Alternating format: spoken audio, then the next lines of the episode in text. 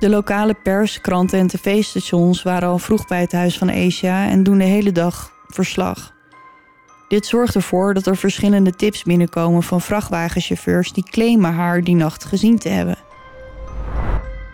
Er zijn mensen die beweren dat die game, of het spel, ooit een heidens ritueel was dat werd gebruikt als straf voor degene die het aandurfde om de goden ongehoorzaam te zijn. Maar wie het spel onnauwkeurig uitvoert, loopt het risico de Midnight Man tegen het lijf te lopen. Een angstaanjagend figuur die de grootste angsten van de deelnemers tot leven kan brengen.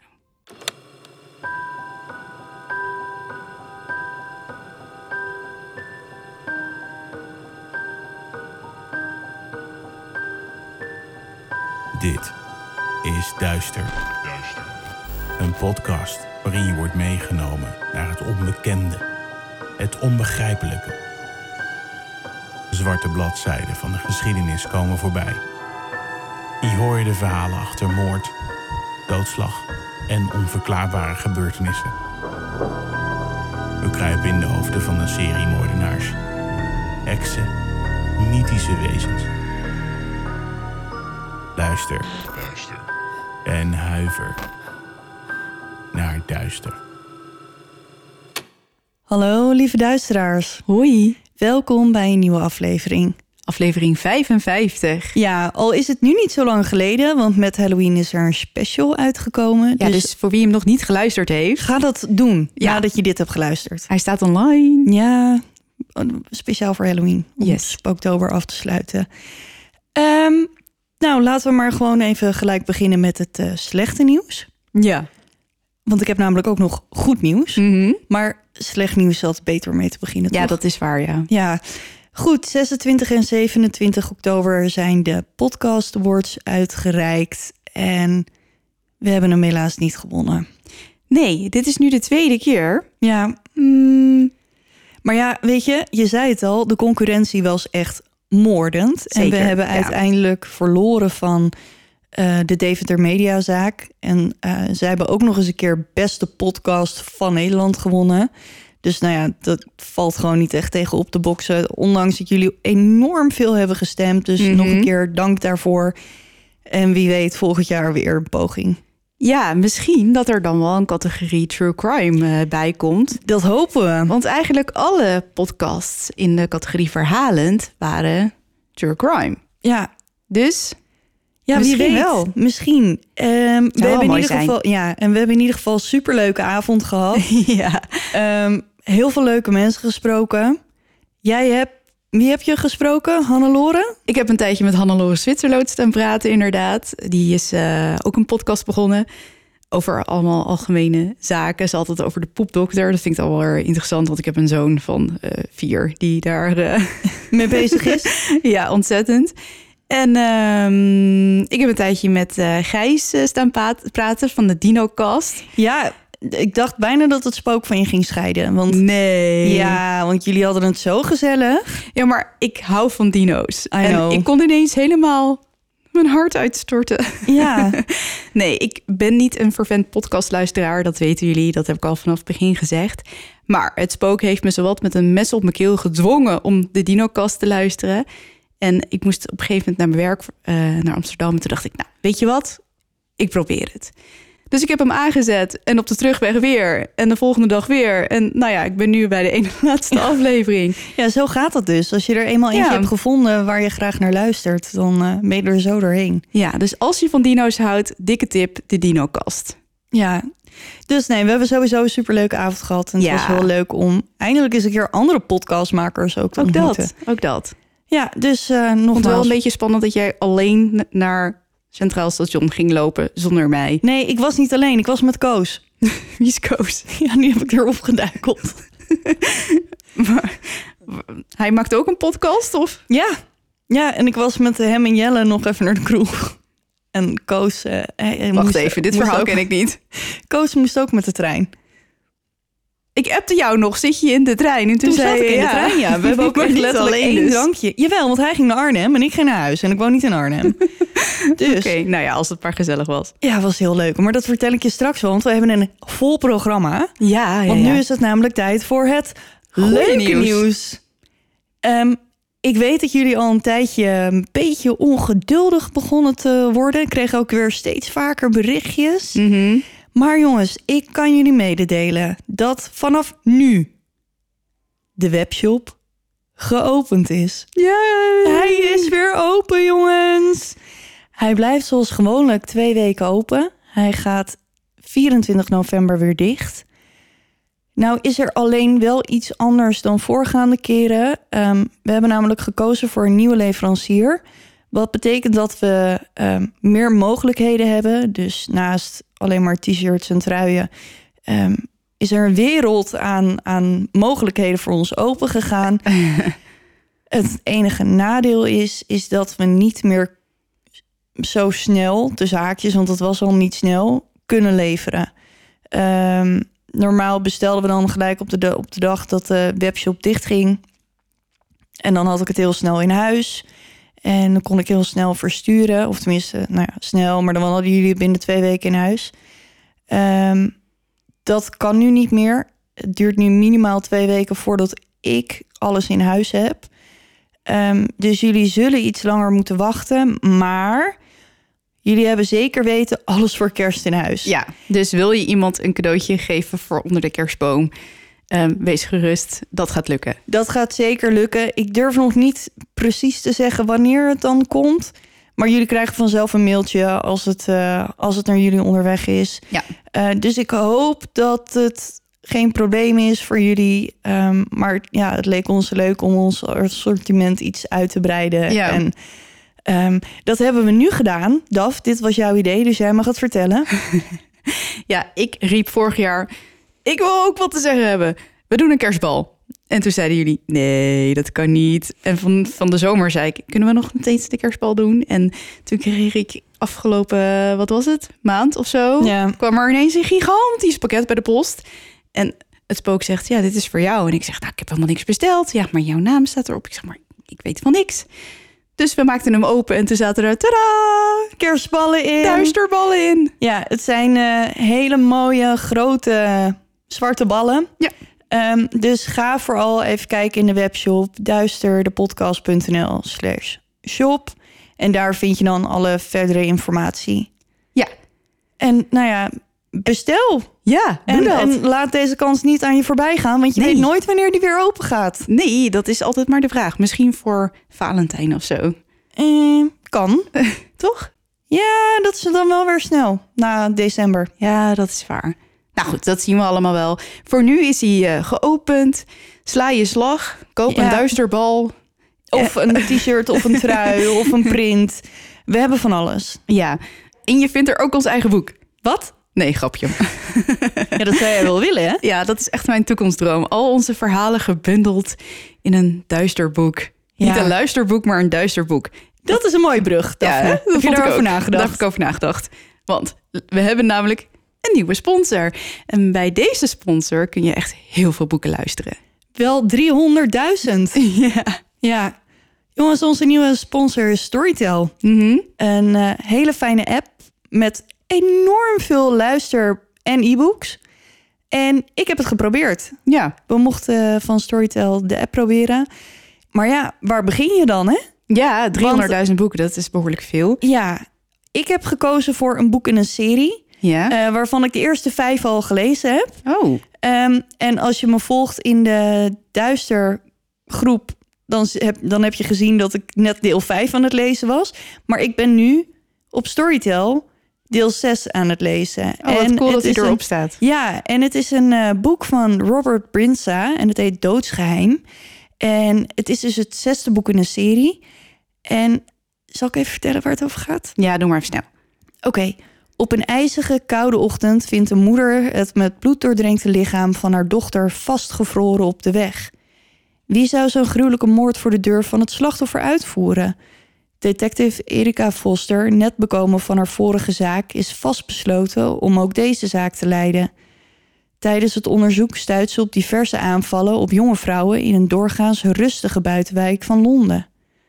Nou, dat klinkt wel heel spannend. Dat was super spannend. En ja, hij is een van mijn favoriete schrijvers. Eh, dus al zijn boeken zijn echt een aanrader. En ja, het was super chill. Normaal op weg hier naartoe luister ik altijd of muziek of een podcast. Maar nu kon ik dus gewoon verder luisteren in dat boek. In plaats van dat ik thuis op de bank moest blijven zitten. En dan denk ik, oh nee, ik moet weg. Maar ik wil verder lezen. Oh, dat is wel heel cool, ja. Ja, dus ik kon hem nu gewoon in de auto luisteren. was echt ideaal. Ja, dat is heel tof. Ja. Dus hebben we je enthousiast gemaakt? Dan kun je nu je favoriete boek luisteren via storytel.com slash duister en de app 30 dagen gratis uitproberen. Je vindt er dus, zoals we al zeiden, meer dan 300.000 boeken. Dus ik zou zeggen, voor ieder wat wils. We zetten de link nog even voor je in de bio op Instagram en in onze show notes natuurlijk op de website. En dan gaan we nu echt beginnen. Ja, Jij bent als eerste aan de beurt vandaag, want ik was uh, als laatste of als eerste de vorige keer. Ja. Ik heb geen teaser. Um, we gaan. We gaan er gewoon voor. Ja.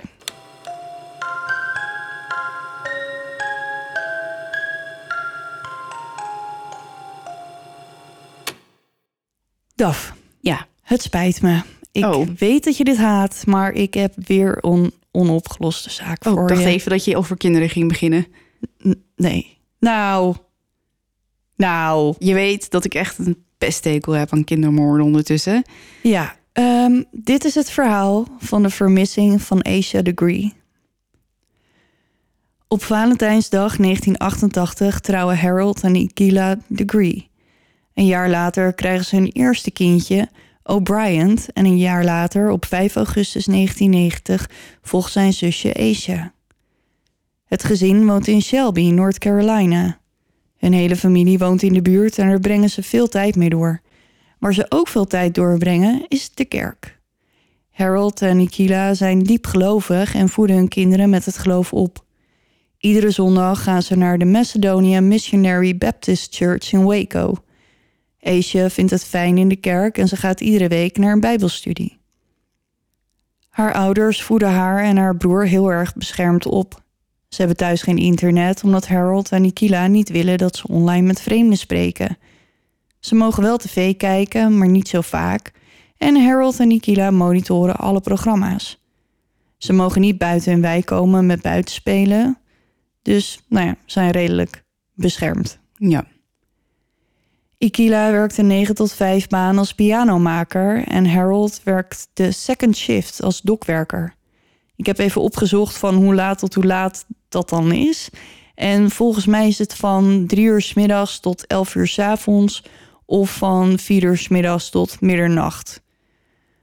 Omdat hun ouders nog aan het werk zijn als Aisha en haar broertje uit school komen, laten ze zichzelf binnen, doen hun huiswerk en doen hun klusjes in huis. Ze zijn super verantwoordelijk en ze weten dat ze pas mogen spelen als ze al hun taken gedaan hebben. In 2000 zit Aisha in groep 6 van de Falston Elementary School. Ze wordt beschreven als een lief, verlegen, gereserveerd en intelligent meisje die uitstekend presteerde op school. Ze blinkt uit in wiskunde en natuurkunde en ze droomt ervan om schrijver en illustrator te worden als ze later groot is. Ze is regelmatig leerling van de week. En als je dat bent, dan mag je een cadeautje uit de schatkist uitkiezen. De week voordat Aisha verdwijnt, wordt ze weer uitgeroepen tot leerling van de week. En ze kiest een zwart tasje met Tweety erop. Ze is dolblij met haar nieuwe cadeautje. Als Aisha aan haar ouders vraagt of ze op basketbal mag, zijn ze erg verrast. Ze hadden nooit verwacht dat hun verlegen dochter een sport zou willen doen waarbij publiek een grote rol speelt. Ze houdt er namelijk helemaal niet van om in de spotlight te staan. Aisha gaat basketbal spelen bij de Falston Bulldogs en tot verbazing van haar ouders doet ze het hartstikke goed. Hm. Niet omdat ze denken dat het haar niet zou lukken, maar omdat ze dus altijd zo verlegen is. Ja. Ace zingt ook heel graag. Niet voor het publiek, want daar is ze veel te verlegen voor. Maar als ze met het gezin in de auto zit bijvoorbeeld... zingt ze vol overgave gospelliedjes. Wat leuk. Ja, ik kan me dat wel voorstellen dat je dat dan alleen durft... als je met je ouders in de, In de auto, auto zit. zit. En dat je weet dat verder niemand anders je kan horen. Ik zing normaal gesproken ook alleen bij het spook. Maar nooit ergens anders. Nee, is maar beter ook. Nou, nou, ik heb jou wel eens over de pepifoon horen zingen. Ja, dat is ook niet... eh, Nee. nee, dat is ook niet... Maar goed, ik wou dat ik kon zingen. Lijkt Ja, me heerlijk. dat lijkt me heerlijk, ja. Ja. Eesje is ook een beetje bang aangelegd. Ze is bang voor een hele hoop dingen. Zo is ze bijvoorbeeld bang voor honden, onweer, het donker en vreemde mensen. Ze zou bijvoorbeeld nooit zomaar de deur voor een vreemde open doen. Zelfs als er familieleden voor de deur stonden, vraagt ze nog toestemming aan haar moeder. En dat brengt ons bij de dag van haar vermissing en waarom de hele zaak zo vreemd is. Zondag 13 februari 2000 is een typische zondag voor de familie Degree. Ochtends gaan ze naar de kerk en na de dienst komt de familie bij elkaar bij Ace's tante voor de lunch. Ze brengen daar een paar uur door en gaan dan op tijd naar huis, zodat Harold zich kan klaarmaken voor zijn werk. Als ze thuiskomen is Ace erg moe. Op zaterdag heeft ze een wedstrijd basketbal gespeeld, die ze helaas verloren heeft. Volgens haar moeder is ze daarna verdrietig, maar dat is al snel weer over. Daarna heeft ze een logeerpartijtje bij haar nichtjes en of neefjes. En rond half zeven valt ze thuis op de bank in slaap.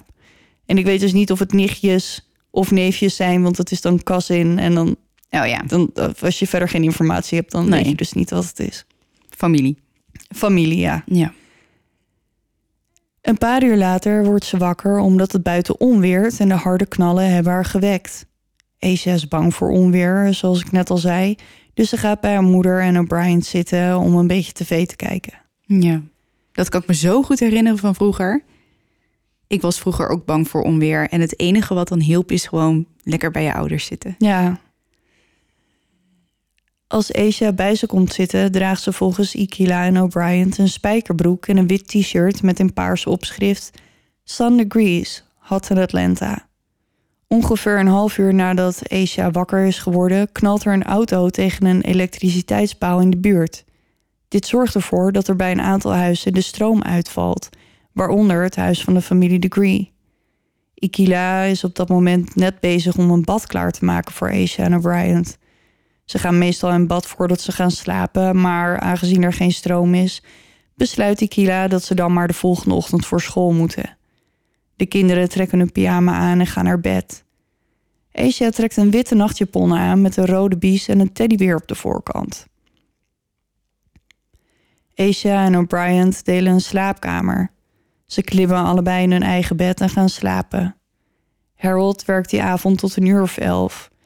Als hij klaar is met werken, gaat hij nog langs een winkel om Valentijnsnoep te kopen en gaat dan naar huis. Want hij heeft natuurlijk ook zijn eh huwelijksjubileum op Valentijnsdag. Oh. Ja. Het is vaak zo als je op Valentijnsdag Mhm. trouwt, dat je dan ook je jubileum op die dag viert. Ja. Ja. Ja. Hij is om half één thuis en rond die tijd werkt ook de elektriciteit weer.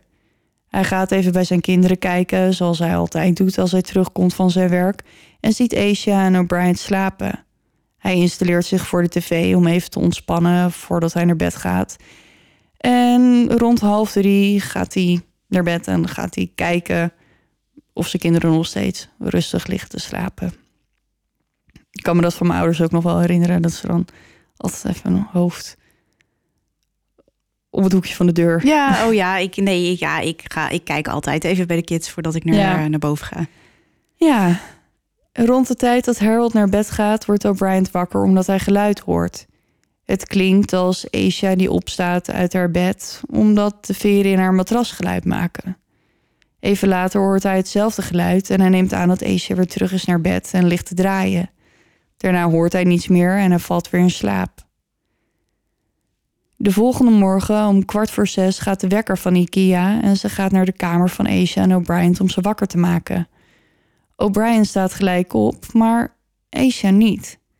Ze is er niet. Haar bed is leeg en onopgemaakt.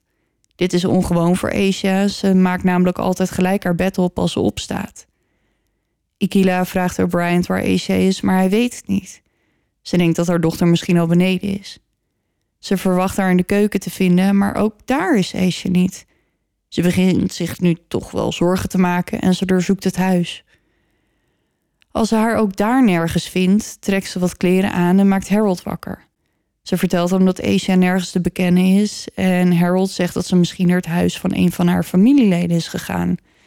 Hij begint rond te bellen, maar niemand heeft Asia gezien. Ik zou op dit moment echt keihard panieken, denk ik. Dat is ook aan het doen, ja. Um, want ondertussen doorzoekt IKEA de auto's van het gezin. Want die staan voor de deur, dus wie mhm. weet is ze daarin gaan zitten. Um, ze zoekt om het huis, maar ook daar is ze niet. En als ze haar daar niet kan vinden, belt ze haar moeder, die zegt dat ze de politie moet bellen. Ikila gooit de telefoon naar Harold, zodat hij de politie kan bellen, en zij gaat weer naar buiten om er verder te zoeken. Ze schreeuwt haar naam, maar krijgt geen reactie. Harold belt om één voor half zeven de politie en vertelt dat zijn dochter vermist is. Haar rugzak en zwarte tweetie-tasje zijn ook verdwenen. Hij weet niet wat ze verder heeft meegenomen of wat ze aan had toen ze vertrok. Um, maar ja, Asia is negen jaar oud als ze verdwijnt. Dat is heel jong. Dat is heel jong, ja. Het is tien over half zeven als de eerste agent bij het huis verschijnt... en binnen 15 minuten lijkt het alsof heel Shelby zich bij het huis van Asia heeft verzameld. Om zeven uur komen er agenten van de Cleveland County Sheriff's Office aan, gevolgd door verslaggevers van het lokale nieuws. In de uren die volgen verschijnen er agenten van de State Bureau of Investigation, zoeken reddingspersoneel en vrijwilligers om te helpen met het zoeken naar Asia. Politiehonden worden ingezet om de geur van Asia te volgen, maar zonder succes. Het heeft die nacht geregend en in tegenstelling tot wat mensen denken, verdwijnt de geur van een levend mens niet in de regen. Het wordt juist sterker. Het zou dus juist makkelijker voor de honden moeten zijn om haar geur op te pikken in deze omstandigheden. En dat, ja, dat heeft dan te maken met vocht en dan blijft het langer hangen. Oké, interessant. Om 12 uur s middags heeft de North Carolina Highway Patrol een helikopter in de lucht om van bovenaf te zoeken en om twee uur is het huis van de familie Degree afgezet. Alleen Harold, Ikila en O'Brien mogen nog naar binnen. Het huis wordt onderzocht en ze vinden geen spoor van een ongeval of enige andere reden om aan te nemen dat er in het huis iets met Asia is gebeurd. Er is ook geen sprake van braak. Alle ramen en deuren zijn intact en zaten nog op slot toen Ikila op zoek ging naar Asia. Er wordt in de buurt wel een handschoen gevonden, maar die blijkt niet van Asia te zijn want al haar winterspullen liggen nog in het huis. Op de dag van haar verdwijning gaat Ikea door de spullen van Asia om te kijken of er nog meer dingen missen. En voor zover zij kan zien, missen de volgende dingen: haar zwarte tweetie-tasje, haar huissleutel, snoep en kleren. Een tuinbroek geborduurd met tweetie, een spijkerbroek met een rode streep langs ieder been, een rood vest met een zwarte bies een zwart en wit shirt met lange mouwen, een wit nylon shirt met lange mouwen en de witte nachtjapon met die teddybeer die ze die nacht aan had. Mhm. De lokale pers, kranten en tv-stations waren al vroeg bij het huis van Asia en doen de hele dag verslag. Dit zorgt ervoor dat er verschillende tips binnenkomen van vrachtwagenchauffeurs die claimen haar die nacht gezien te hebben. Een van deze tips komt van Jeff Roop. Jeff claimt dat hij die nacht rond kwart voor vier zijn gewone route reed toen hij een meisje langs de snelweg zag lopen. Ze heeft staartjes in haar haar en heeft een witte jurk aan met daaronder witte tennisschoenen. Op haar rug heeft ze een rugzak en ze loopt naar het zuiden. Jeff is zelf op weg naar het noorden en de plek waar hij haar denkt te zien is zo'n 1,6 kilometer van haar huis. Jeff vindt het maar vreemd dat er een jong meisje buiten loopt op dat tijdstip, langs de snelweg in de stromende regen. Het is ook nog eens een keer hartstikke koud. Het zit hem niet lekker, dus op de eerst mogelijke plek draait hij zijn vrachtwagen om en rijdt langzaam terug naar de plek waar het meisje heeft gezien. Als hij in de buurt komt, houdt het meisje haar blik vooruit gericht. Ze kijkt niet op of om en ze loopt als iemand die weet waar ze naartoe gaat. Dat is een doel voor ogen. Als hij haar gepasseerd is, draait hij zijn vrachtwagen nogmaals om. Deze keer met het idee om haar aan te spreken en te vragen of alles goed met haar is. Zodra hij naar het meisje roept, zet ze het op een lopen en verdwijnt in de mist en het donker in een bebost gebied naast de snelweg. Later die dag zit hij te eten en ziet op het nieuws het gezicht van Asia verschijnen En hij is er zeker van dat dat het meisje is die hij die nacht heeft gezien. Er komt nog een andere tip binnen. Deze is van Roy Blanton, een voormalige agent. Hij is samen met zijn zoon, Roy Jr., onderweg richting het noorden op dezelfde weg waar Jeff ook reed, de Highway 18, als om kwart over vier Asia spotten. De plek waar ze haar tegenkomen ligt zo'n twee kilometer van het huis, richting het zuiden. Volgens Roy ziet hij een klein mens in witte kleding langs de snelweg lopen. Hij vindt het vreemd, maar denkt er dat er misschien iets van een echtelijke ruzie is geweest en de vrouw een rondje is gaan lopen om af te koelen. Of ja, zo. ja. Ik, ja. Sommige, die redenatie van sommige mensen Ja. die dan een aanname doen. Ja, Ik heb dat al te vaak voorbij horen komen. ja, Dat als mensen zeg maar niet denken... oh, dit is een vrouw die ruzie heeft gehad met haar man... is vast een rondje gaan lopen. dat er Maar een hoop eh, Gewoon denken, dit is vreemd. Ik doe er iets mee Ja. dat er zoveel leed voorkomen had kunnen worden. Ja. Eh, ja, want ze stoppen namelijk niet om aan haar te vragen of alles goed gaat. Ehm, maar ze roepen wel via de radio andere vrachtwagenchauffeurs op om voorzichtig te rijden op dat stuk, zodat ze haar niet per ongeluk aanrijden. Het is tenminste iets. Ja, maar niet genoeg. Nee. Later stoppen vader en zoon in Boston, North Carolina, voordat ze verder rijden naar Chicago. Daar belt Roy senior naar zijn vrouw die hem vertelt over de vermissing van Asia. De volgende dag, als Roy senior en junior terugrijden, eh, rijden ze langs Shelby om persoonlijk bij de commandopost die is opgezet te vertellen wat ze de nacht van de verdwijning hebben gezien. Er wordt al snel vanuit gegaan dat Asia vrijwillig vertrokken is. Dat komt door de tips die ze binnen hebben gekregen, maar ook omdat ze haar familie hebben ondervraagd. Ze hebben ook leugendetectortests bij de familie afgenomen, waar ze allemaal voor slaagden. Dus de familie werd niet als verdachte gezien. En er waren natuurlijk ook geen sporen van braak in het huis. Eh, de deuren zaten op slot, maar Asia's huissleutel is ook weg. Dus ze kan gewoon de deur achter zich op slot gedraaid hebben. Op 15 februari verzamelt zich in alle vroegte een grote groep vrijwilligers in Shelby om naar Asia te zoeken. Er wordt besloten om bij een huis langs Highway 18 te zoeken, ongeveer 1,6 kilometer bij het huis van Asia vandaan. Het huis is van Charles Turner, die op hetzelfde terrein zijn bedrijf Turner Upholstery Company heeft. Hij woont daar samen met zijn vrouw Rally en zijn dochter Debbie. De vrijwilligers vragen aan Rally en Debbie of ze het terrein willen doorzoeken en ze stemmen toe. Tijdens hun zoektocht vinden Rally en Debbie Asia niet, maar wel een paar interessante voorwerpen. In een van de bijgebouwen vinden ze een wit potlood van de Olympische Spelen van 1996, snoeppapiertjes, een groene markeerstift, een gele haarstrik en een kleine foto van een jong zwart meisje. De volgende dag brengen ze de foto van het meisje naar de politie. Maar wat ze niet doen, ik heb geen flauw idee waarom, is de rest van de gevonden spullen inleveren. Dus ze vinden al die dingen, maar ze gaan alleen met die pasfoto Hè? naar de politie. Dat is wel een beetje vreemd, Ja, ja. en sterker nog, ze zeggen er ook verder niks over. Oké. De politie gaat met de eh, foto naar Ikila en Harold. ehm, om te kijken of het een foto van Asia is. Ja. Maar het meisje op de foto is niet Asia. En ze hebben ook geen idee wie het dan wel is. Ze vragen ook op Asia's school of het misschien iemand van haar school is. Maar ook daar kennen ze het meisje niet. Tot op de dag van vandaag is dit meisje dus nooit geïdentificeerd. Oké, vreemd wel. Ja. Als er tegen ze gezegd wordt dat het meisje op de foto eh, Asia niet is, denkt de familie Turner om de een of andere reden dat alle spullen die ze hebben gevonden niets met Asia te maken hebben. Godzijdank gooien ze het niet weg, maar leggen ze het op een hoopje op de veranda. Dus, Mm, ja. Wil je wat zeggen? nee. Oké. Ondertussen gaat de zoektocht naar Asia nog op volle vaart door. Ze zoeken in een straal van 40 kilometer van haar huis, delen flyers uit. Maar het levert er allemaal geen nieuwe aanwijzingen op.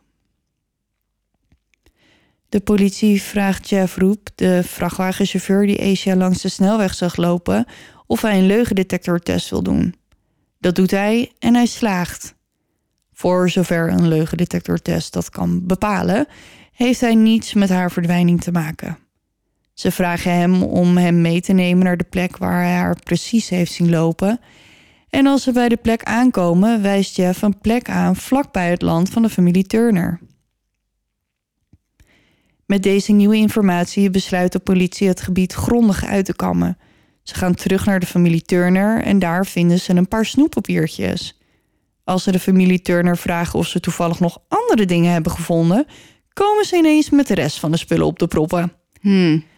Agenten nemen de spullen mee naar Harold en Nikita, die bevestigen dat de gevonden spullen van Asia zijn. Dit is natuurlijk een gigantische aanwijzing, dus ze gaan terug naar de familie Turner om nog eens met de stofkam over het terrein te gaan. Ze nemen een hond mee die niet in staat is een spoor van Asia te vinden. Het enige wat ze vinden zijn meer snoeppapiertjes, naast het bijgebouw waar andere spullen werden gevonden. De politie denkt dat Asia, nadat ze gezien wordt door Jeff en van hem schrikt, van de snelweg is afgeweken en op het terrein van de familie Turner terecht is gekomen.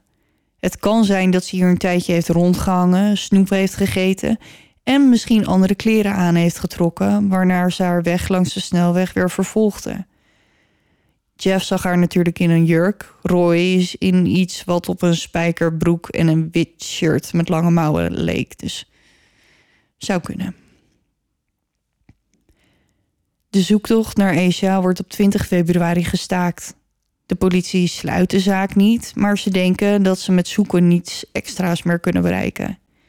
In februari belt iemand de politie met het volgende. Vlak voor haar vermissing heeft Asia met haar klas het boek The Whipping Boy gelezen. Een boek van Sid Fleisman over een prins en een pauper die van huis weglopen, allemaal avonturen beleven en dan weer thuiskomen. En met avonturen bedoel ik dat ze gegijzeld worden. Ik voel deze theorie dus niet helemaal, want ja, in het boek vertellen ze blijkbaar dat weglopen gevaarlijk kan zijn. Uh, Asia is bang in het donker, bang voor onweer, bang voor mensen. Dus waarom zou ze dan midden in de nacht weglopen? Ja. Kijk, ik kan me er nog iets bij voorstellen als ze dan op klaarlichte dag zou verdwijnen. Maar nee, ik voel hem niet. Nee, nee, nee, ik ook niet zo. Nee, als, dat zeg ik gewoon op klaarlichte dag. Ja. Valt er misschien nog wat voor te ja, zeggen. hoezo midden in de nacht? Ja, dat is voor mij, ja, ik weet niet. Je hebt natuurlijk ook hele stoere meisjes van negen, maar deze is overal bang voor, dus dat lijkt me inderdaad gek. Ja. In maart worden O'Brien en een paar eh, van Asia's vrienden opnieuw ondervraagd. Deze keer door iemand gespecialiseerd in het ondervragen van kinderen. Er kwam vrijwel niets nieuws uit deze ondervraging. Op één ding na. Het schijnt dat Asia een paar dagen voor haar verdwijning aan haar vrienden heeft laten zien dat ze geld in haar portemonnee had. Ze weten niet te vertellen hoe Asia aan dat geld kwam en Harold en Nikila weten ook van niets. Dit zou erop kunnen wijzen dat Asia door iemand gegroomd is. Dus een um, man of vrouw die geprobeerd heeft er te paaien om er dan uiteindelijk iets aan te doen. Oké. Leuk. Ja, zou kunnen. In dezelfde maand. Dat was er... sarcastisch, hè? Sorry. Oh. Maar voordat je denkt dat ik dit leuk vind, dat is dus niet zo. Nee, maar ik ben blij dat je het zegt, want ik weet wel dat je sarcastisch bent. Ja, maar ik weet niet of onze luisteraars Nee, ja, dat nee. ook oppikken. Ja, daarom. Nee, is heel goed. In dezelfde maand werd er langs Highway 18 een billboard geplaatst met Asia's naam, foto en telefoonnummer om te bellen met informatie. Hij staat nu nog steeds op dezelfde plek met nieuwe foto's van Asia. Tenminste, ze is dan ouder gemaakt op haar foto's. Mhm. Dan gebeurt er anderhalf jaar niets. Totdat op 2 augustus 2001 Terry Fleming aan het werk is langs Highway 18 in Burke County. Zo'n 48 kilometer bij de plek vandaan waar Asia voor het laatst gezien werd. Als Terry bezig is met graven, vindt hij een zwarte plastic zak. Hij legt hem aan de kant en gaat verder met zijn werk. Hij is het wel gewend om dingen op te graven, dus hij denkt er verder niet zoveel van. Deze keer zit iets, ja, en die zak hem toch niet helemaal lekker. En uiteindelijk wint zijn nieuwsgierigheid het. Hij maakt de zak open. Hmm, ja. De plastic zak zit dubbel om een zwart met beige rugtas heen. Hij maakt de rugtas open en aan de binnenkant ziet hij Asia's naam en telefoonnummer staan. Hij weet niet wie Asia is, maar hij vindt de inhoud van de tas verdacht. Dus hij probeert het nummer uit de rugtas te bellen. Hij staat alleen onder een of andere stroomkabel, dus hij heeft geen bereik. Ehm, dus hij schrijft haar naam en telefoonnummer op en laat de rugtas achter waar hij hem gevonden heeft. Nee. Terry denkt die avond niet meer aan de rugtas, totdat hij de volgende dag het briefje met haar naam en nummer aan zijn vrouw laat zien, die haar naam direct herkent. Ze laat hem de politie bellen. Nou, Is wel slim. ja. Terry belt rond 10 uur 's ochtends op 3 augustus en binnen drie kwartier heeft de politie de rugtas veiliggesteld. Ze beginnen direct een nieuwe zoekactie naar nieuwe aanwijzingen die zeven uur duurt. Ze kammen het gebied rond de vindplek uit in de hoop misschien Asia's lichaam te vinden, maar ze vinden helemaal niets. Op de rugtas na dan. De vondst lijkt erop te wijzen dat er geweld bij de verdwijning van Asia te pas is gekomen. De Cleveland County Sheriff's Office heeft nooit bekendgemaakt wat er precies in de rugtas is gevonden. Ze hebben wel gezegd dat er kleding is gevonden en dat het meest van de inhoud van Asia is. De tas wordt met inhoud naar de FBI in Quantico gestuurd voor test, maar er is nooit bekend geworden of die iets hebben opgeleverd. Die tests waren in 2003 al klaar trouwens. In 2018 brengt de FBI naar buiten dat er in de rugtas spullen gevonden zijn die niet van Asia waren. Zo werd er een New Kids on the Block concert t-shirt gevonden en een Dr. Seuss boek met de naam McCallicut's Pool. En als je denkt, wat hoor ik? Dat is eh Spamily die met haar eh, catnip-staafje eh, aan het spelen is. De catnipstaafje. Ja, met haar knots. met Knots, knots, knots. Goed. Oké, als je wil weten hoe dit ding eruit ziet, ik zal wel even een foto posten. Ja, ik wil niet dat mensen het verkeerde idee krijgen. Ja. Ja. Goed, ik leg het even op het kleed. Misschien dat we er dan eh, minder erg horen. ja. Het boek ehm, van Dr. Seuss Mhm. komt uit de bibliotheek van Asia's school. Hij werd begin 2000 uitgeleend, rond de tijd van Asia's verdwijning. Maar de school kan niet meer achterhalen wie het boek geleend heeft. Maar volgens mij is wel duidelijk dat het Asia niet was. Misschien heeft ze hem gestolen. Kan. Of Ja. misschien was het van iemand anders. Ze komen nooit met een verklaring waarom ze zo lang hebben gewacht met het publiceren van hun bevindingen. En ook niet hoe ze erachter zijn gekomen dat die spullen niet van Asia zijn. En, nou ja, we hebben ook geen flauw idee waarom ze 17 jaar hebben gewacht met het naar buiten brengen van deze informatie. Ja, dat is wel raar, ja. Ja, ze vragen dan namelijk ineens of iemand met de, deze spullen toevallig herkent. Want waarom zou je daar 17 jaar later. ja, waarom zou je daar zo lang eh, mee wachten? Ja, geen idee. Ja, ik, ik, zou, ik, heb, ik heb daar echt geen verklaring voor. Geen idee. Nee, en ehm, ik zit me net in één keer te bedenken... 2003 tot 2018 is geen 17 jaar, hè? Nee, is 15 jaar. Dat bedoel ik. 15 jaar, jongens, sorry. Maar dan nog. Het is nog eh 14 jaar te laat. Ja, behoorlijk. En ehm, is dit het einde? Nee, Oh, nee, nee, nee. Want we hebben nog een... eh, staartje? Nou, een beetje, ja. Door de jaren heen zijn er een aantal gevangenen die claimen te weten wat er met Asia is gebeurd. Een van die gevangenen komt in februari 2001 naar voren. Hij is een oud klasgenoot van IKEA, genaamd Baron Ramsey. Hij neemt contact op met de Cleveland County Sheriff's Office en de Charlotte Observer, een krant. Want, nou ja, kan maar beter. Genoeg publiciteit pakken gelijk. Ja, ja. En zegt dat Asia dood is en dat hij weet waar haar lichaam is. Oh, Ja. Volgens hem rijdt hij de nacht van 14 februari 2000 samen met een andere man uit Cleveland County over Highway 18. Ze zijn onderweg terug naar Shelby nadat ze in Hickory drugs hebben gekocht. Ze raken Asia per ongeluk als ze de weg probeert over te steken. Ze is bewusteloos, maar leeft nog wel. De andere man die de auto bestuurde, stapte uit, tilt Asia op en legt haar achter in de auto. En ze gaan er vandoor. Wat de Ja, fuck? ja. De man brengt Baron naar huis en rijdt dan weg met Asia nog steeds achter in zijn auto. Volgens Baron gaat hij later, nadat Asia overleden is, met de man naar Moss Lake om zich daar van het lichaam te ontdoen. Hoe, hoe, hoe is dat gebeurd dan? Dat ze overleden is. Ja? Gewoon aan de verwondingen van de aanrijding. Waarom is ze dat kind niet gewoon naar een ziekenhuis gebracht? Nou, dat ga ik je vertellen. De politie doet onderzoek, maar ze kunnen geen bewijs vinden dat wat Barron zegt waar is. Op Highway 18 is geen bewijs van een vluchtmisdrijf en ze dreggen Moss Lake twee keer. Ook gaan er duikers het water in om naar haar lichaam te zoeken. En uiteindelijk blijkt dat Barron op een punt stond om aangeklaagd te worden voor een bankoverval.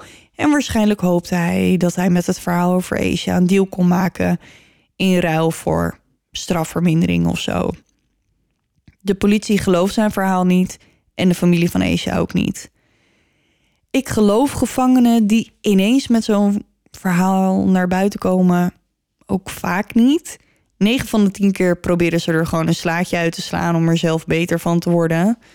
Ehm, en ondertussen verspillen ze tijd en middelen van de politie en geven ze de families valse hoop. En het komt echt maar zelden voor dat een gevangene de waarheid spreekt als ze met zoiets komen. Oké. En dan zeg ik dus niet dat ze allemaal alleen maar onzin vertellen, Nee, nee, maar nee, maar... vaak zie je toch wel dat ze andere motieven hebben om te liegen. Dus soms willen ze gewoon een keertje de gevangenis uit. En dat ze betere dan zeggen, accommodaties. of dat, of strafvermindering. Of eh, dat ze zeggen, nee, maar daar in dat bos daar, daar ligt een lijk. Weet je, en dan moeten ze drie staat, staten doorrijden. En dan, nou ja, dan hebben ze een uitje. Ja, ja. Of weet ik veel, zoiets. In 2020 komt er een andere gevangene naar buiten met het nieuws dat hij weet waar Asia is en wat er met haar gebeurd is. Marcus Mellon, een veroordeelde pedofiel, schreef een brief naar The Star, ook een krant, en vraagt of zijn informatie kan worden doorgegeven aan de FBI. Hij schrijft het volgende. Asia Degree wordt nu 20 jaar vermist. Ongeveer vier maanden geleden ben ik erachter gekomen wat er met haar gebeurd is en waar ze nu is. Ze is vermoord, meegenomen en begraven. Ik weet hoe en in welke plaats ze is. Ik hoop dat je deze brief krijgt en dat je bij me langskomt.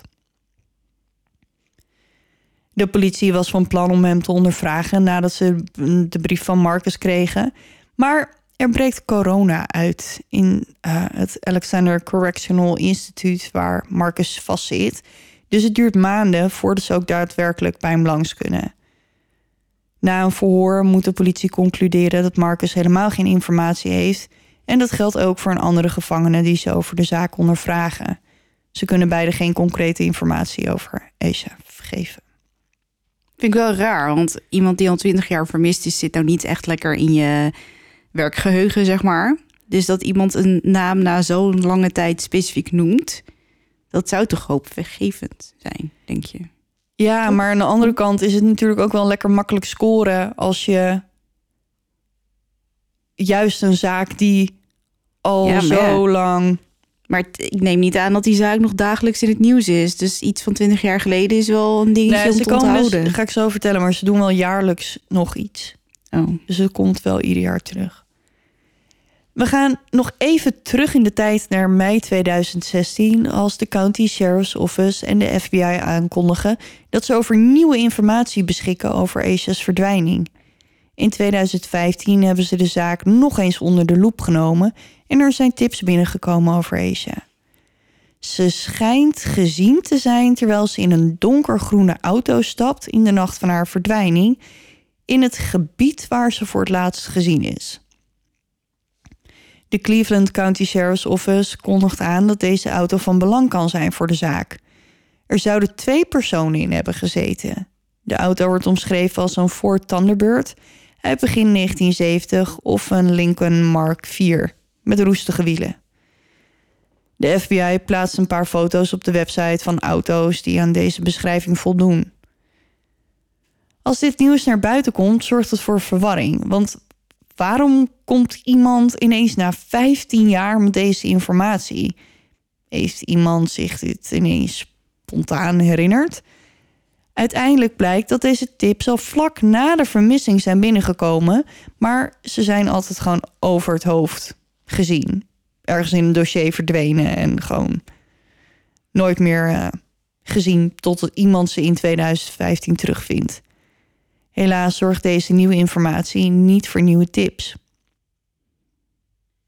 Tot op de dag van vandaag heeft de politie alleen naar buiten gebracht dat Asia slachtoffer is geworden van een geweldsmisdrijf. Ze hebben nooit verdachte genoemd of specifieke theorieën over wat er met haar gebeurd kan zijn. Er doen natuurlijk genoeg theorieën de bedacht door geïnteresseerden in de zaak. Wat ze bijna allemaal gemeen hebben, is dat ze ervan uitgaan dat Asia uit vrije wil uit huis is vertrokken en later slachtoffer is geworden van iemand die een kans zag en hem pakte. Niets wijst erop dat ze vanuit haar huis is ontvoerd, bijvoorbeeld. En in het huis zijn er ook geen aanwijzingen voor gevonden. Er zijn mensen die denken dat Asia slaapwandelend het huis heeft verlaten. Er zijn mensen die geloven dat Harold Asia misbruikte en dat ze daarom besloten heeft weg te lopen, of dat Harold misschien iets met haar verdwijning te maken heeft. Anderen denken weer dat ze gegroomd is door iemand in haar omgeving, misschien iemand van de kerk, een familielid of iemand van haar basketbalclub, die haar zover heeft gekregen haar huis die nacht te verlaten. Ze had thuis natuurlijk geen internet, dus de kans dat ze online iemand ontmoet heeft is nou, niet heel. Dan zijn er nog de mensen die denken dat ze haar spullen heeft gepakt en op zoek is gegaan naar avontuur, naar aanleiding van het boek dat ehm, ze nog niet zo lang geleden daarvoor had gelezen, The Whipping Boy. Of misschien was het een vrachtwagenchauffeur die het bericht van Roy over de radio hoorde en zijn kans schoon zag. Die dacht: Oh, daar ben ik over vijf minuten. Loopt de vrouw alleen of meisje. Um, ja, die is van ja, mij. die is van mij. Echt eh, alsof je het in mijn schoot is komen vallen. Ja, heel leuk. Ja, en dat bedoel ik niet uh, leuk. Nee, nee. Ik weet zelf niet zo goed wat ik ervan moet denken. Ik kan me namelijk niet zo goed voorstellen dat iemand als Asia, die zo bang is in het donker en bang is voor onweer, die nacht haar spullen heeft gepakt om op avontuur te gaan. Misschien is ze inderdaad gegroomd door iemand en dacht ze dat ze opgehaald zou worden door iemand die ze vertrouwde. Um, ik denk zelf niet dat haar ouders er iets mee te maken hebben, maar goed, kan het natuurlijk mis hebben, maar er is niets wat daarop wijst. Harold en Nikila geloven nog steeds dat Asia een leven is. Ieder jaar rond haar verdwijning organiseren ze een tocht van het huis waar ze verdwenen is tot het billboard met haar foto om de zaak onder de aandacht te brengen. Dus ieder jaar komt er zeg maar wel pers en wordt het weer gedeeld. Er is een beloning van 45.000 dollar beschikbaar voor de gouden tip. De zaak is nog steeds open en in 2019 zijn er nog 45 tips binnengekomen over Asia's verdwijning. Wat trouwens wel lullig is, um, is dat de lokale media IKEA belt en vraagt om commentaar als er een ander vermist kind in de buurt levend teruggevonden wordt. Oh ja, leuk is dat. Dat je even de hele tijd met je neus op de feiten wordt. Ja, iedereen zijn kind komt veilig thuis, maar die van jou niet. Maar nee. wat moet zij er nou over zeggen? Ja, ja las een artikel um, uh, een interview met haar en dan zegt ze ook: Ja, wat moet ik nou? Ja, ik, ik ben niet boos dat zij wel hun kinderen, maar ik wil gewoon mijn eigen kind terug. Ja, laat me met rust. Ja, en, of geef me die gouden tip. Maar uh... ja, en ze is, weet je, ze is gewoon blij voor die andere ouders die hun kind wel levend hebben teruggevonden. Maar weet je, haar eigen kind is al meer dan twintig jaar vermist. En dat is het einde van dit verhaal. Ja, dus ik hoop echt, uh, ja, wij kunnen er hier in Nederland niet zoveel aan doen. Um, maar ja, er wordt natuurlijk nog wel veel aandacht aan besteed. Maar er werd ook in onderzoek de vergelijking gemaakt tussen een zaak als Gabby Petito, die dus net, weet je, wit, jong, uh, blond, mooi. Um, ja, dan staat in één keer de hele wereld in zijn, op zijn kop. En dan is het wereldnieuws. Maar als er een zwart klein meisje van negen jaar verdwijnt... ja, een beetje lokale pers en zo. Ehm, en het duurde heel lang. Op een gegeven moment is er wel een segment in opera geweest, volgens mij. En, eh, maar niet, niet zoals dat het nu met een Gabby Petito is. En nu hebben we natuurlijk wel social media speelt nu een hele grote rol. Maar ook toen was het geen nationaal nieuws. Over Gabby Petito gesproken. Hmm. Ik zag dus op Instagram, en ik weet niet of dit waar is, maar goed, het is wel bizar. Dat er een, nou, tijdens de zoektocht naar haar een ander lichaam is Klopt. gevonden van een meisje die praktisch hetzelfde heeft meegemaakt. Ging reizen met verloofde, verloofde kwam terug alleen, zonder vriendin. En ehm, is daarna spoorloos en zij ook. Behalve Oh, dat dat, had ik zij dan dus weer niet gelezen. is. Dat had ik dan nog niet gehoord. Dus twee vrouwen, allebei verloofd, allebei op reis. Vriend komt terug zonder haar. En Gabby wordt gevonden en tijdens haar zoektocht vinden ze ook dit meisje. Ja, en Het dat, is dat echt gebeurt dus wel vaker. Bizar. Ja, maar hetzelfde verhaal. Ja. Maar goed, daar gaat het nu even niet over. Maar Nee. het is misschien wel interessant als je denkt, huh? Eh, ja, ik heb, dat, ik heb dat nog maar- niet, ehm, nog nergens gelezen. Nee, en het is ook niet bevestigd voor mij. Dus, maar ik hoorde dit en toen dacht ik echt, wat? Ja. Ja, maar je ziet wel vaker inderdaad dat ze tijdens zo'n zoektocht... ja, omdat ze dan toch alles echt met de stofkam doorzoeken... ja, Mhm. dan wil je nog wel eens op iets anders stuiten. ja. Ja, dus inderdaad, nou ja, weet je, is het dan omdat ze zwart is? Is het dan omdat het Valentijns Valentijnsdag was en dat er ander nieuws was? Ehm, ja, je moet maar net, ja, ik weet het niet. Ik weet het ook niet. Ik weet wel dat, eh, dat op zich zit er waarheid in dat witte vrouwen gewoon veel meer aandacht krijgen dan eh, personen van kleur als ze verdwijnen of ja, vermoord wat worden. natuurlijk gigantisch kansloos is. Dus Ja. ehm, ik eh, kan daar een hele hoop over zeggen. Ik hoop gewoon dat Ik het ook. verandert in de toekomst. Dat hoop ik ook en daar kunnen we eh, ja, alleen maar op hopen. Ja, Want dat moet gewoon beter. dat moet het zeker. Ben je klaar voor de jou of zit je in een diepe diepdal nu? Oké, Nee, ik zit niet in een diepdal. Ehm, ik ben er klaar voor. nou ga je gang dan maar.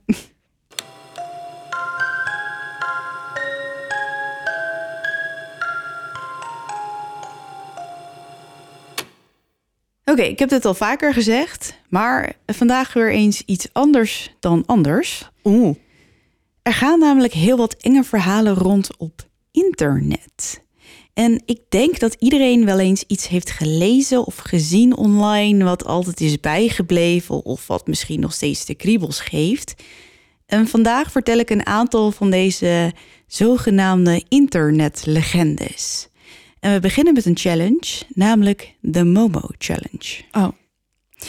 Goed, Kim. ehm, ik denk dat als je het plaatje ziet waarmee we gaan beginnen vandaag, je misschien een beetje schrikt. Althans, ik wel. Oh, ja. Il? Ik heb het namelijk over Momo. Een internet challenge die ook wel bekend staat als de Momo Game. In februari 2019 verschijnt er een foto met de naam Momo online en gaat binnen de kortste keren viraal op sociale media. Honderdduizenden mensen zien het verontrustende plaatje dat resulteert in nieuwsberichten over de hele wereld. Volgens de legende worden kinderen op WhatsApp gecontacteerd door een account dat beweert Momo te zijn. Sommige versies van het verhaal zeggen dat hackers de afbeelding van Momo onverwacht op het scherm laten verschijnen. Daarna worden kinderen aangemoedigd om het personage als contact op te slaan en vervolgens gevraagd om opdrachten uit te voeren die ze vooral niet aan hun ouders mogen vertellen. Niet veel later breekt de paniek echt uit wanneer er geüploade tekenfilmpjes zoals Peppa Pig op YouTube verschijnen met plaatjes van Momo erin verwerkt. Kinderen die niet naar officiële uploads kijken worden dus blootgesteld aan een nogal verontrustende beelden. Verschillende media beweren dat de Momo Challenge de veroorzaker is van de dood van 130 tieners in Rusland, maar dit is echter niet bevestigd door de autoriteiten. Maar wat is Momo nou precies? Het Japanse special effects bedrijf Link Factory maakte het beeld in 2016. Het ziet er nogal eng uit. Het heeft rare uitpuilende ogen en een creepy snavelachtige mond. Het heeft mensachtige borsten en lang sluik zwart haar. En het is een beetje een combinatie tussen het meisje van The, The Ring, en Voldemort. Ah, ja, ja, dat klopt wel. Ja. Momo is dus een beeld. De Japanse kunstenaar Kaisuke Aiso bevestigde in maart 2019 dat het beeld in 2018 al is weggegooid nadat de materialen waarvan het gemaakt was, namelijk natuurlijk rubber en plantaardige oliën, eh, waren vergaan. Eind 2019 blijkt dat de Momo Challenge voornamelijk een hoax is en dat er geen ernstige zaken aan de zogenaamde opdrachten kunnen worden toegeschreven. Wereldwijd suggereert de politie dat ouders, in plaats van zich te concentreren op de specifieke Momo Challenge, ze beter van de gelegenheid gebruik kunnen maken om hun kroost voor te lichten over internetveiligheid en om een open gesprek te voeren. Op zich een goede tip. Zeker. Altijd wel handig om te monitoren waar je kinderen mee bezig zijn. Ja, maar die van die Peppa Pig filmpjes, daar schrok ik een beetje van. Want ehm, Ons kind kijkt dat ook. ik trof mijn zoon inderdaad laatst YouTubend aan op de iPad... waarvan ik dacht, hoe kom je aan YouTube ten eerste? En ten tweede, Dat kan hij gewoon zelf. Waar zit je naar te kijken? Hij zat Ja. in het Engels naar een of ander kindertekenfilmpje te kijken. Toen dacht ik, oh, hier krijg ik een heel verkeerd gevoel bij. En toen had ik dit nog niet eens gelezen. Ja, Maar stel je voor dat je kind dus gewoon lekker zit te YouTube... en ineens krijgt het de schrik van zijn leven... ja. over ons kind gesproken. Mm. Ehm, de nieuwe bioscoopfilm Venom, die ik weet Mhm. niet of je daarvan gehoord hebt, die wordt dus om zeven uur s'avonds al uitgezonden. Nu in de bioscoop, de trailer en alles. Ja. Alleen Venom is nogal een eng Ding. ding. En ehm, mijn zoon die kwam niet vermoedend van de wc af, de woonkamer in en die ziet dat en die dacht echt, You, tot ziens. ik smeer hem. ik boek hem. Dus die had ik wel gauw in bed. Maar toen dacht ik, jongens, misschien moeten we dit soort trailers maar even verplaatsen naar 9 uur in plaats van 7 uur. Maar oké, dat geheel terzijde. Want we gaan door met een andere challenge. Nou, ik zeg challenge, maar dit is eigenlijk een soort game. Er zijn mensen die beweren dat die game of het spel die je in het echte leven kunt spelen en ook wel de Midnight Game genoemd wordt, ooit een heidens ritueel was dat werd gebruikt als straf voor degene die het aandurfde om de goden ongehoorzaam te zijn. Toch is het tegenwoordig een populair spel voor sensatiezoekers, vooral omdat het gemakkelijk in eigen huis kan worden uitgevoerd met minimale benodigdheden. Maar wie het spel onnauwkeurig uitvoert, loopt het risico de Midnight Man tegen het lijf te lopen. Een angstaanjagend figuur die de grootste angsten van de deelnemers tot leven kan brengen. Dus, voor degenen die het aandurven, er zijn een aantal simpele spelregels. Als eerste moet het precies middernacht zijn als het spel begint. Eerder of later zal niet werken. Benodigdheden zijn een kaars, een stuk papier, lucifers of een aansteker, zout, een houten deur en tenminste één druppel van eigen bloed. Wanneer het spel met meerdere spelers gespeeld wordt, moeten zij dezelfde stappen volgen. Stap 1. Schrijf de volledige naam, eerste, middelste en laatste, op het stuk papier. Doe tenminste één druppel bloed op het papier en laat het vervolgens intrekken. Stap 2. Doe alle lichten uit. Ga naar de houten deur, is belangrijk, en leg het papier met naam erop ervoor. Pak nu de kaars en steek hem aan. En zet hem op het papier. Stap 3. Klop 22 keer op de deur. Let op, de laatste klop moet precies om middernacht zijn. Open dan de deur, blaas de kaars uit en sluit de deur. Hoe time je zoiets? De Midnight Man is zojuist in het huis binnengelaten. Ja, eh, gewoon kloppen. Eh, opletten, op je klok kijken en dan... Ik ben hier niet gecoördineerd genoeg voor. Stap 4. Belangrijk. Steek onmiddellijk de kaars weer aan. Dit is waar het spel begint. Het doel is om de Midnight Man koste wat kost te vermijden tot 3 over half 4, dus 3 uur 33. Mocht de kaars uitgaan, dan is de Midnight Man in de buurt. De kaars moet binnen de volgende 10 seconden opnieuw aangestoken worden. Lukt dat niet, dan moet er meteen een cirkel van zout getrokken worden. Als beide acties falen, dan zal de Midnight Man een hallucinatie van de grootste angst creëren en je organen één voor één uit het lijf rukken. Oké. Als het lukt om de cirkel van zout te creëren, blijf daar dan tot 3 uur 33. Als het lukt om de kaars weer aan te steken, kan het spel verder gaan. Blijf in ieder geval doorgaan tot 3 uur 33 zonder aangevallen te worden door de Midnight Man of vast te zitten in de cirkel van zout om de Midnight Game te winnen. Door voortdurend door het huis te bewegen wordt het moeilijker voor hem om de spelers te vinden. Als er op enig moment gestopt wordt met bewegen, dan zal hij je vangen. De Midnight Man verlaat het huis om 3 uur 33 en daarna ben je veilig. Een toevoeging: aanwijzingen dat de Midnight Man in de buurt is, zijn onder meer een plotselinge temperatuurdaling, het zien van een intens zwart figuur en het horen van zacht gefluister uit een niet waarneembare bron. Als een van deze symptomen worden waargenomen, verlaat dan de ruimte, maar blijf in het huis. Superbelangrijk. Dan heb ik nog een aantal tips en tricks. Doe geen lichten aan tijdens het spel. Gebruik geen zaklamp. Ga niet slapen tijdens het spel. Probeer niet het bloed van iemand anders te gebruiken. Gebruik geen aansteker als vervanging van een kaars. Het zal niet werken.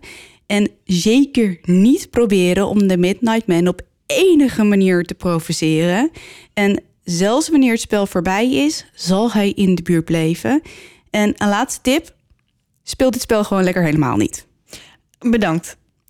Goed, Kim, wil je het proberen? Hmm, sla me even over. Oh. Ik heb ook geen houten deur in mijn huis. Ja, nou goed, ik wel, maar ik, ik pas ook even. Er, er zijn dus mensen die dit wel geprobeerd hebben, tot hun spijt.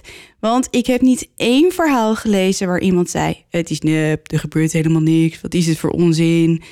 Ik heb dus het verhaal van iemand gevonden online eh, die daarin zijn ervaring deelt. Dus, een paar maanden geleden was ik aan het surfen op de interwebs op zoek naar enge verhalen. Ik klikte op een website en vond iets met een oud ritueel en een spel. In het begin stond ik er nogal sceptisch tegenover.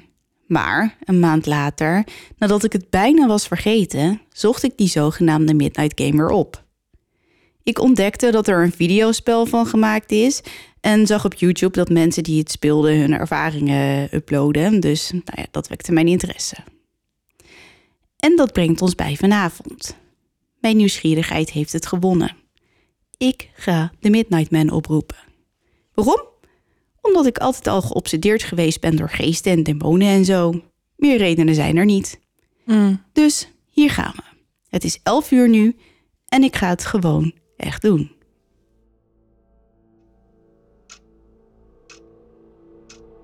Uur. Ik prik in mijn vinger, doe een druppel bloed op het papier met mijn naam erop en leg het voor mijn deur. Ik had eerder op de avond een beetje moeite om een kaars en een aansteker te vinden, maar het is toch gelukt.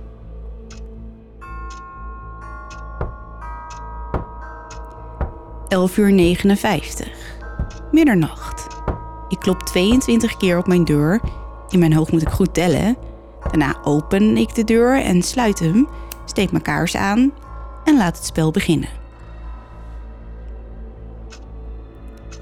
12 uur 25. Op dit punt word ik een beetje zagrijnig omdat er niks aan de hand is. Ik beweeg langzaam door het huis, zo weinig mogelijk geluid makend, met een gigantische zoutpot onder mijn arm. Ik besluit naar mijn slaapkamer te lopen. Terwijl ik door mijn lange gang loop, wordt het plots donker. Mijn kaars is uitgegaan. Binnen vijf seconden krijg ik hem weer aan, maar mijn hart bonst. Ik draai me abrupt om en besluit terug te lopen naar de woonkamer. 1 uur. Er is niet echt iets gebeurd nadat mijn kaars uitging. Ik dwaal rusteloos door mijn kamer en keuken, te nerveus om terug naar mijn slaapkamer te gaan. Maar ik begin me ook te vervelen. Ik loop doelloos rondjes, alleen in mijn huis, zonder telefoon. Dus om ongeveer 1 uur besluit ik toch terug te gaan naar mijn slaapkamer om mijn telefoon te halen. Ik loop naar de gang en sla de hoek om. Aan het eind van de gang staat een oude houten telefoonstoel die ik van mijn oma heb gekregen. Prompt sta ik stil. In de stoel zie ik een donker, pikzwart figuur. Ik hap naar adem. Het wezen staart me aan en ik voel mezelf als aan de grond genageld. Plots wordt de lucht in de gang veel kouder. Ik adem zwaar door mijn neus en begin langzaam achteruit te lopen totdat ik de muur achter me voel. Met mijn rug er tegen aangedrukt schuifel ik terug naar de woonkamer. Daar blijf ik besluitloos staan. 1 uur 35. Op dit moment ben ik echt bang. Terwijl er eigenlijk niet eens echt iets is gebeurd, op een paar koude plekken na en die donkere figuur in mijn gang. Ineens neem ik een besluit en ren op een drafje naar de slaapkamer van mijn ouders. Halverwege de gang hoor ik ineens gefluister in mijn oor. Ik schrik me het lep Lazarus, maar ik vertraag mijn pas niet en stoïcijns ga ik door. 2 uur 17. Na een tijd in de slaapkamer te hebben gezeten, loop ik terug naar de woonkamer. Het is ondertussen kwart over twee geweest. Ik weet dit niet alleen omdat het op de ene engste ervaring van mijn leven is, maar ook omdat ik aan het kijken ben naar de klok in de keuken wanneer het gebeurt. In mijn slaapkamer hoor ik een gedempt geluid. Het is een van mijn katten. Godver. Toen het spel begon, heb ik ze alle drie naar mijn kamer zien schieten. Ze miauwden en kropen onder mijn bed. Daar is het geluid weer. Meer bezorgd om mijn kat dan om mijzelf, ren ik naar mijn kamer. Over het bed gebogen staat het pikzwarte figuur. Zijn hoofd raakt bijna die van mijn kat. Het beestje ligt op mijn bed, met zijn oren plat in zijn nek en met een dikke staart. Een laag en diep gegrom komt uit zijn keel. Plots kijkt het wezen op naar mij. Ik voel de huid van mijn gezicht strak trekken. Mijn hart raast als een bezetene. Doodsbang zeg ik het eerste wat in me opkomt. Doe mijn katten geen pijn, alsjeblieft. En daarmee gaat mijn kaars uit. Shit, shit. Snel gris ik de aansteker uit mijn zak, maar mijn hand zweet en ik laat hem vallen. Ik duik naar de grond en op de tast zoek ik de aansteker. Fuck, waar is dat ding nou? Gevonden. Snel steek ik de kaars aan. Ik twijfel of het me binnen 10 seconden is gelukt. Zenuwachtig kijk ik om me heen. Geen Midnight Man. Drie uur. Nog maar 33 minuten. Het is al een tijdje stil, dus ik ontspan wat. Wat een fout. In de hal vanuit de keuken naar de woonkamer staan een paar boekenkasten gevuld met dvd's. Terwijl ik de tweede passeer, krijg ik zowat een rolberoerte. Voor mijn neus vallen alle boeken ineens op de grond met een enorme kabaal. In paniek ren ik naar de keuken, maar ik glij uit over de kast van een boek. Mijn armen breken mijn val, maar ik ga lang uit. De kaars zie ik een eindje van me wegrollen. Snel krabbel ik overeind en ren naar de keuken, wetende dat het waarschijnlijk te laat is om de kaars opnieuw aan te steken. Slippend kom ik tot stilstand en meteen trek ik een cirkel van zout om me heen. 3 uur 28. Ik kijk naar de klok van de oven. Nog maar 5 minuten, maar ik ben doodsbang. Ik kijk weg van de klok en door de gang waar ik de Midnight Man zie zitten in de stoel. Een golf van paniek overspoelt me. Gefeliciteerd, je hebt gewonnen, fluister ik in zijn richting. Je bent echt een kei in het bang maken van mensen. Ik kijk weer naar de klok. 3 uur 32. Plots hoor ik een heel duidelijk gefluister in mijn oor. Are you scared? Ik bevries en voel de rillingen over mijn rug lopen. Ik staar naar de klok en ik zie het 3 uur 33 worden. Dus hier zit ik. Ik heb de Midnight Game verloren. Luister, ik raad jullie ten zeerste af om dit spel te spelen. Ik liet nieuwsgierigheid de overhand krijgen en ik ben er vrij zeker van dat ik nooit meer zal slapen. Dit was de engste ervaring uit mijn hele leven en het ergste is, is dat ik voel dat hij niet weg is. Ik zie schaduwen, de katten zijn fucked up. Het is helemaal kut. Nogmaals, speel dit spel niet. Je zult er spijt van krijgen. Wel een goede waarschuwing dit. Ja. Lijkt me helemaal niks. Nee. Ehm, dus als er duisteraars dapper genoeg zijn om dit te spelen, eh, van mij mag je. Doe voorzichtig. Doe voorzichtig. Zorg dat je wint. En vertel vooral aan ons hoe je het vond. Want ik ben daar wel benieuwd naar. Ja, ik ook Ehm, wel. Ja. Ik heb niet het idee dat de Midnight, eh, Midnight Man echt het vreselijkste is wat je kan overkomen. Nee, Ehm, zijn maar- ergere dingen, denk ik. Ja, bijvoorbeeld eh, bepaalde demonen die je per ongeluk oproept als je je Ouija-bord niet goed afsluit. Eh, maar toch, ehm, hmm, ja, Hmm, ik weet ja. het niet. Het is toch wel een beetje een, beetje een rare, Engig. engig dit. Ja, precies. Goed, we gaan door. En dan nu, op veler verzoek, Slenderman. Nee, Ja, nee. ja, want ook hij is een legende ontstaan op het internet. I know, maar je zit me in de weg een beetje nu. Ja, I know. Maar ja, we gaan het toch doen. Oké. Want Slenderman is, om het zo te zeggen, een product van nieuwerwetse media. Hij verschijnt op plaatsen waar we tegenwoordig zelden komen. Verlaten, afbrokkelende gebouwen, diepe bossen of een speeltuin met gammele stalen klimrekken. Hij is een creep die leeft in buitenwijken met zijn eigen geschiedenis, zijn eigen methodologie. Een aantal jaar geleden is hij het onderwerp van controverse geworden vanwege een aanval in Wisconsin, waarbij twee meisjes een ander kind neerstaken om de duistere behoeften van Slenderman te sussen. Het afschuwelijke verhaal ligt ten grondslag aan hoe weinig we begrijpen over de psychologie van een generatie die opgegroeid is op internet en hoe verzinsels in de loop van een half decennium van fictie tot feit kunnen veranderen. Slenderman wordt voor het eerst genoemd op een forum genaamd Something Awful in de thread Create Paranormal Images. De maker Eric Knudsen plaatst de afbeelding van het personage onder de naam Victor Surge. Zijn uiterlijk is dat van een mensachtig, lang wezen in een zwart of grijs pak, een rode of zwarte stropdas en een wit overhemd. Zijn gezicht is helemaal wit, zonder enige gelaatstrekken. Hij heeft geen haar en is opvallend lang. Meestal wordt hij afgebeeld tussen de 1,80 meter en de 15 meter, afhankelijk van de situatie. Niemand weet eigenlijk wat Slenderman nou precies voor wezen is.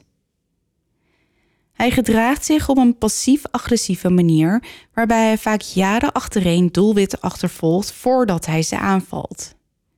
Het is duidelijk dat hij de neiging heeft om zijn doelen mentaal te martelen voor gedurende lange perioden, waarbij hij angst en paranoia gebruikt om ze tot waanzin te drijven.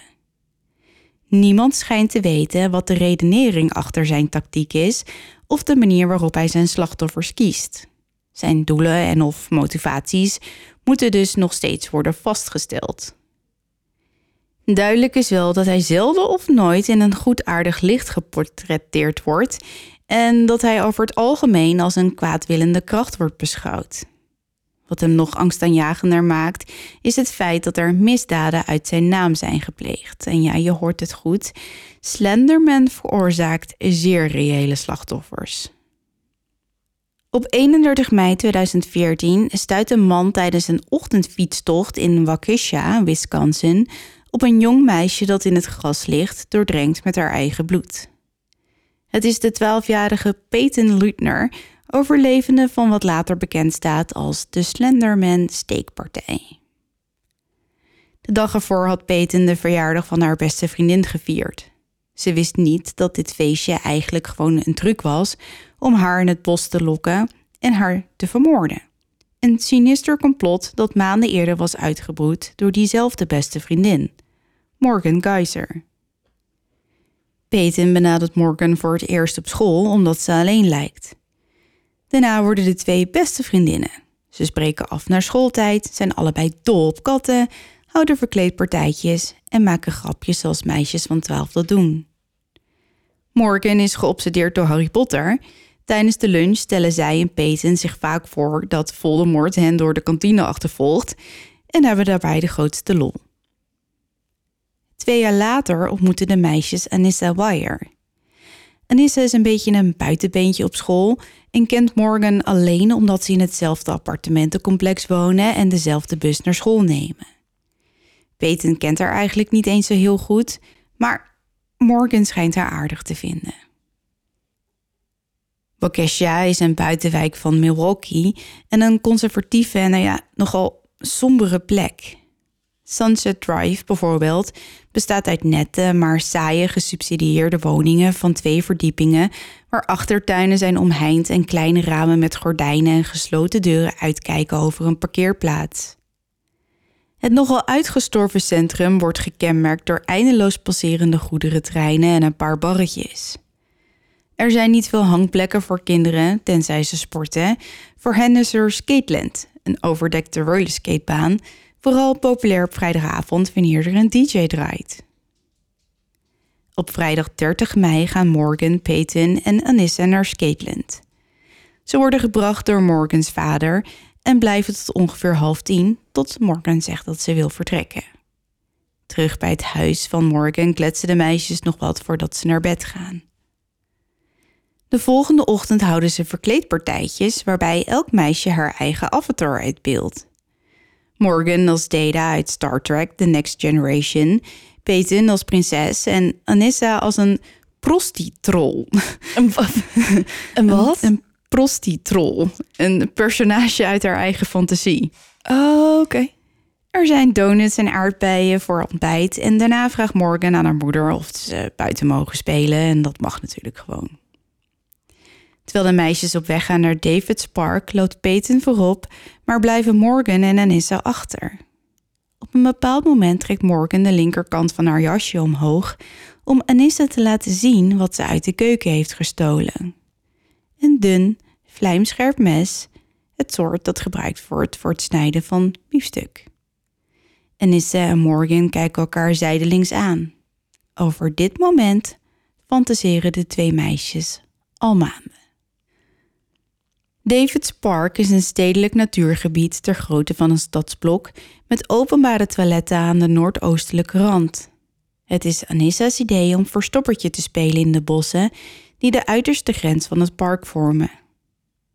Wat Peter niet weet, is dat het spelletje eigenlijk alleen maar bedoeld is als bliksemafleider. Haar zogenaamde vriendinnen zijn bezig om een zorgwekkend plan ten uitvoer te brengen. Morgan telt en Anissa en Peyton verstoppen zich. Het is Morgan die als eerste probeert om Peyton met het mes te steken, maar ze krijgt het niet voor elkaar. Stiekem geeft ze het mes aan Anissa, maar die geeft het al snel terug en zegt dat ze te preuts is. Terwijl ze fluisterend met elkaar praten, zit Peyton een stukje verderop met de bloemetjes te spelen. Plotseling voelt Peyton beweging achter zich en hoort ze de stem van haar beste vriendin die zegt: Wees niet bang, ik ben maar een klein poesje. Meteen duwt Morgan haar omver en steekt haar 19 keer. Ze steekt het mes in haar armen, in haar benen, in haar maag, haar lever, haar alvleesklier en mist op een halve millimeter een grote slagader bij haar hart. Peyton schreeuwt en weet overeind te krabbelen. Anissa duwt haar om en daarna lukt het niet meer om omhoog te komen. Daarna slaan de twee op de vlucht en rennen huppelend en opgewonden naar de Walmart, waar ze in de toiletten hun handen wassen en hun waterflessen vullen. De uren daarop dwalen ze door Waukesha totdat ze door de politie worden opgepakt, terwijl ze in het gras bij de oprit van de snelweg zitten. Tijdens het politieverhoor komt de ware toedracht naar boven. Morgan en Anissa hebben Peyton aangevallen omdat Slenderman hen dat heeft opgedragen. Vooral Morgan gelooft dat hij echt bestaat. Anissa is alleen maar bang dat Slenderman haar familie zal vermoorden. En wanneer Morgan haar vertelt dat het ook echt zal gebeuren, tenzij ze Peyton doden, gelooft het meisje haar en ziet ze geen andere uitweg. De twee bedenken een plan. Morgan vertelt Anissa steeds meer details over Slenderman. Als ze de moord plegen, zullen ze zijn vrienden worden en dan zijn ze veilig en mogen ze in zijn mansion wonen. Ik weet niet wat deze twee dachten. Ik ook niet. Nou goed, Peyton overleeft de aanval en herstelt gelukkig volledig. En haar vriendinnen geven beide hun aandeel in de misdaad toe. De advocaten van Morgan vertellen in de rechtszaal dat ze lijdt aan schizofrenie en aan een psychotische spectrumstoornis, waardoor ze vatbaar is voor waanideeën. Ze heeft eerder aan een psychiater verteld dat ze telepathisch kon communiceren met fictieve personages, waaronder Harry Potter en Teenage Mutant Ninja Turtles. Uh, ook toont ze geen enkele emotie tijdens het hele gebeuren en vertelt ze gedachten over de dood te hebben. De meisjes houden vol dat ze hun misdaad hebben gepleegd in opdracht van Slenderman, maar alleen omdat ze bang zijn dat hij hen anders wat aan zal doen. In december 2017 horen de twee hun straf. Morgan krijgt een straf van 40 jaar in een instelling voor geestelijke gezondheidszorg. Ze werkt met haar advocaten een pleidooi-overeenkomst uit waarin ze een proces vermijdt en schuldig pleit aan poging tot moord met voorbedachte raden. Anissa wordt niet strafrechtelijk verantwoord bevonden voor haar rol, omdat ze tijdens de daad geestesziek wordt verklaard. In december 2017 wordt ze veroordeeld tot 25 jaar opname in een psychiatrische kliniek. Ze stemt ermee in als onderdeel van haar pleidooi dat ze pas in juli 2020 om eventuele vrijlating zal verzoeken. En surprise, afgelopen jaar heeft ze dit inderdaad gedaan Mhm. en is vrijgelaten. I know. Ze heeft de rechter een brief geschreven waarin ze stelt dat ze alle hulpmiddelen uit de kliniek ondertussen heeft uitgeput en dat ze wil terugkeren in de samenleving.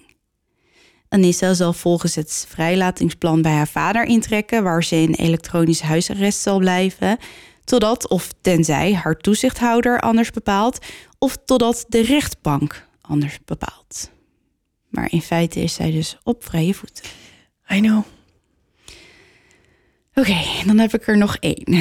Mag ik nog heel even een kleine toevoeging aan jouw verhaal doen? Ja, doe dat. Er wordt dus van uitgegaan dus dat zij ook onder de invloed waren van een folie à deux. Een folio de, ja, een Madness, gedeelde. madness of two, gedeelde. Hetzelfde wat de Eriksson-tweeling had. Ja, heb ik inderdaad ook Ehm, gelezen. Ja, dat, dat Ehm, maar het is inderdaad een veronderstelling. Dus Ja. ehm, het is niet eh, bewezen. Nee. Maar inderdaad, het was wel interessant. Dat kwam ik inderdaad ook ergens tegen. Oké, de laatste. Want dit laatste deel gaat over een andere challenge. In tegenstelling tot die van Momo is deze challenge of uitdaging, zoals we het in het Nederlands zeggen, zeer zeker geen hoax. Wereldwijd zijn er honderden doden gevallen die herleid kunnen worden aan dit spel. Ik heb het over de Blue Whale Challenge. Het verhaal van de Blue Whale begint met Rina Palenkova. Op 22 november 2015 plaatste Rina, een tiener die in het zuidoosten van Rusland woont, een selfie. Op de foto staat ze buiten. Om haar mond en neus is een zwarte sjaal gewikkeld. Ze steekt haar middelvinger omhoog naar de camera. Het ziet eruit alsof hij bedekt is met opgedroogd bloed. Het bijschrift onder de foto luidt: Ja, bye.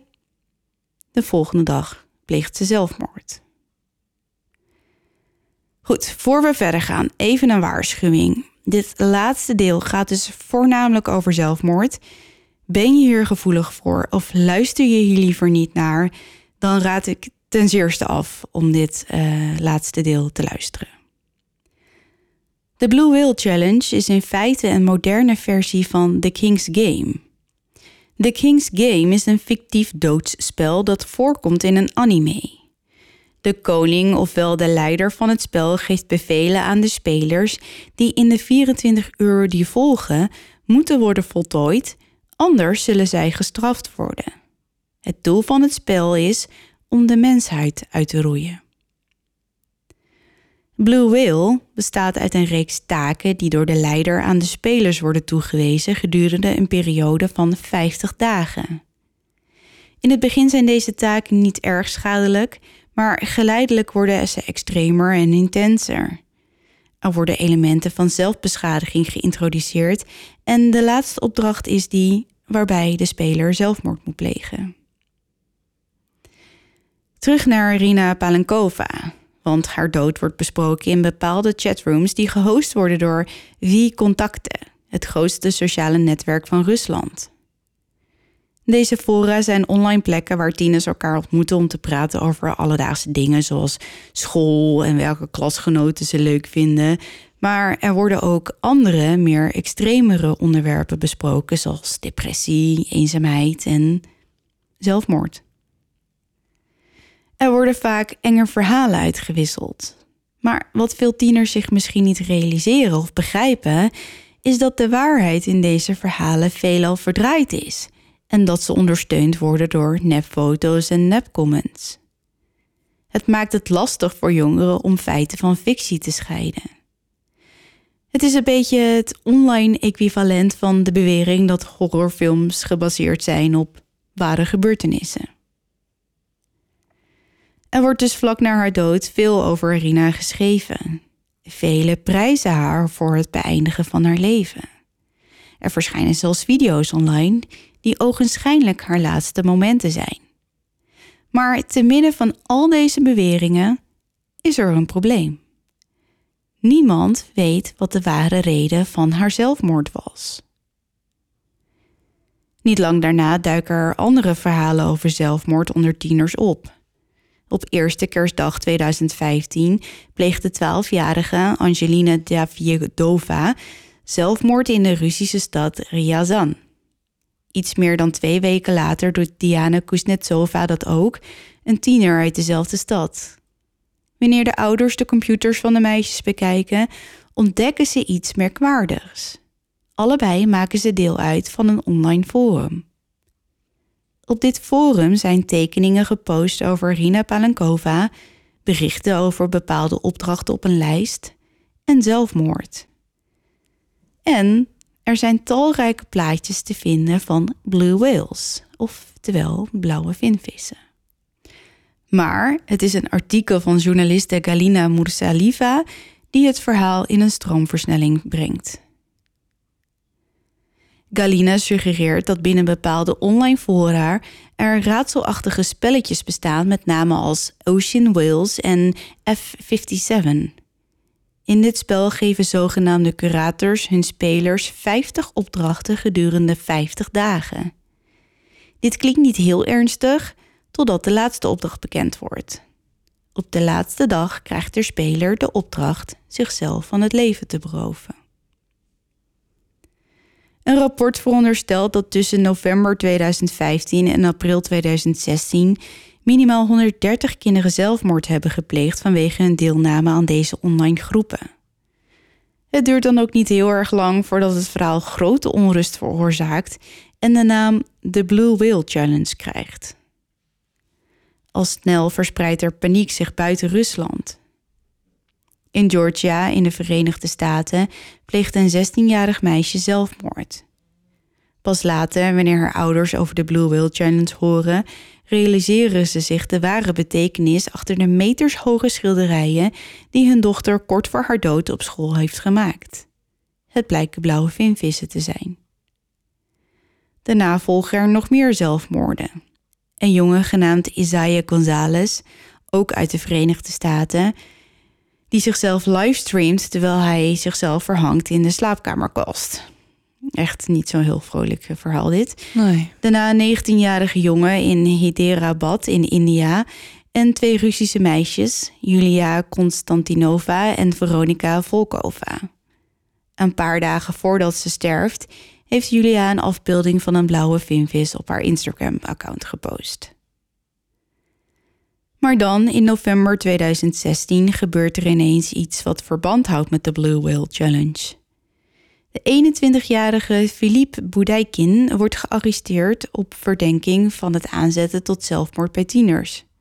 Philippe bekent eigenlijk meteen schuld en vertelt de politie dat hij de wereld aan het zuiveren is.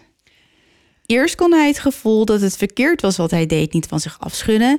Maar gaandeweg begon hij te geloven dat hij het juiste deed. Ja, ik zie jou je handen. Ja, ik zit je af te leiden, sorry, maar ik wil echt keihard facepalmen. Maar er zit een uh, microfoon voor mijn neus, dus dat gaat niet. Dus ik zat met heel druk met mijn armen te bewegen. ja. ja, ik weet het. Het is echt, ja, ja. Goed, Philippe houdt enorm van computers en is slim. Als voormalig psychologiestudent krijgt de politie de indruk dat hij bepaalde tactieken heeft gebruikt om tieners te manipuleren om zelfmoord te plegen. Hij vertelt dat hij in 2013 een game heeft gemaakt onder de naam F57. Als hij wordt geconfronteerd met alle zelfmoorden, zegt hij dat hij die mensen juist warmte, begrip en menselijk contact heeft gegeven. Mhm. En dat de kinderen die hun eigen leven namen echt super gelukkig stierven. Mhm. Ja. Op 10 mei 2017 pleit hij schuldig en wordt hij veroordeeld tot maar liefst drie jaar gevangenisstraf. Zo, zo. Ja. Doe maar. Ja. Maar waarom nou blauwe vinvissen? Sommige journalisten beweren dat Philippe ze voor als voorbeeld nam, omdat het bekend is dat walvissen zichzelf kunnen stranden of beachen, zoals in het Engels, eh, waarmee ze in feite zelfmoord plegen. Een fenomeen dat wetenschappers nog altijd voor een raadsel stelt. En het waarom valt lastig uit te leggen. Walvissen zijn solitair ogende, een beetje droevig uitziende dieren. Ze zorgen voor goede memes. Een van de meest gedeelde plaatjes op de fora was die van een walvis die s'nachts over een stad vliegt. Het weergeeft de gevoelens van veel jongeren. Melancholisch, somber en surrealistisch. Als laatste zijn veel van jullie misschien toch wel benieuwd wat de 50 opdrachten van de Blue Whale Challenge zijn. Ik heb besloten om dit niet in de aflevering te vertellen.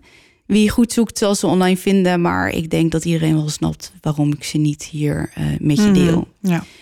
Tot slot, denk je veel na over zelfdoding of heb je misschien hulp nodig? Erover praten helpt. Ga naar de website 113.nl of bel gratis met het nummer 0800 0113. En voor België is dit zelfmoord1813.be of bel gratis met 1813. En dat was mijn deel voor vandaag. Ja. Ik kende er wel een paar. ehm, maar wel, wel leuk. ja, ik zit ondertussen even te denken, want ik heb natuurlijk wel eens vaker ehm, het over Nexpo gehad. Ja, Ja, en hij heeft ook wel een aantal van dit soort dingen behandeld. Dus als je dat interessant vindt, dan kan je dat altijd is dat nog... YouTube-kanaal toch? Ja, YouTube-kanaal. Ehm, ik zag toevallig dat er gisternacht een nieuwe Disturbing Things from Around the Internet uit is gekomen. Dus nou, dat is als ik zo meteen toevallig. thuis ben, ga ik kijken wat hij nu weer voor me in petto heeft. Durf je dat? Tuurlijk. Oh, nou ik niet. Ja. Ehm, nou ja, cool. Goeie tip. En ehm, als je van plan bent de Midnight Game te spelen, eh, ik ben heel benieuwd. Maak foto's of zo, doe wat leuks. Deel het met ons als je durft. Maar ja, zoals de schrijver van het verhaal zei, eh, doe het vooral niet. Maar zelf weten. Ja. En het plaatje van Momo. En wij, en wij zijn niet verantwoordelijk hè, als je ingewanden... nee, nee, eh, nee, eruit nee. worden gescheurd. Nee, Ja, vooral nee. niet bij ons aankomen niet kloppen, bellen. want mij niet bellen, nee. dus dat. Ehm, ja, het leek me wel eens leuk om eh, wat anders te doen. Ja, ik had eigenlijk gehoopt dat je iets... ehm, dat je het misschien over Randonautica ging hebben. Wie? Randonautica? Oh, dat ken ik niet. Wat is dat? Vertel. Ja, het is een app en dan moet je intentie en het is misschien wel beter om dat gewoon een keer in een verhaal uit te leggen. Of jij of ik. Oh, nou dat is een goeie. Ik ga dat dus eventjes op mijn lijstje zetten. Ja, heel goed. Doe dat. Oké. Goed, we zijn aan het einde gekomen van deze aflevering, jongens. Ja. Ehm, de webshop is open. Ga bestellen nu, nu, Sla je slag. Voordat je te laat bent. Ja, hij blijft twee weken open tot 24 24 november. november. En eh, al je pakketjes zijn voor, Voor kerst binnen. binnen. Dus dat is fijn om te weten. En ga vooral voor een maand gratis Storytel naar storytel.com slash duister. Yes. Dan kun je het 30 dagen gratis proberen. En dan ligt de boekenwereld aan je voeten. ja. ja, letterlijk. Of in je auto, want dan Of kun je in je auto. luisteren. Dat is wel fijn. Ja. Oké. Ehm, socials weten jullie wel. Ik Iets zeg met duister. wel trusten. Ehm, en Of onthoud. goedemorgen. Mag ook. Blijf in het, Het licht. licht. Want, je, weet nooit wat, er in het duister op je wacht. Of je wacht. Dank je, Kimberly.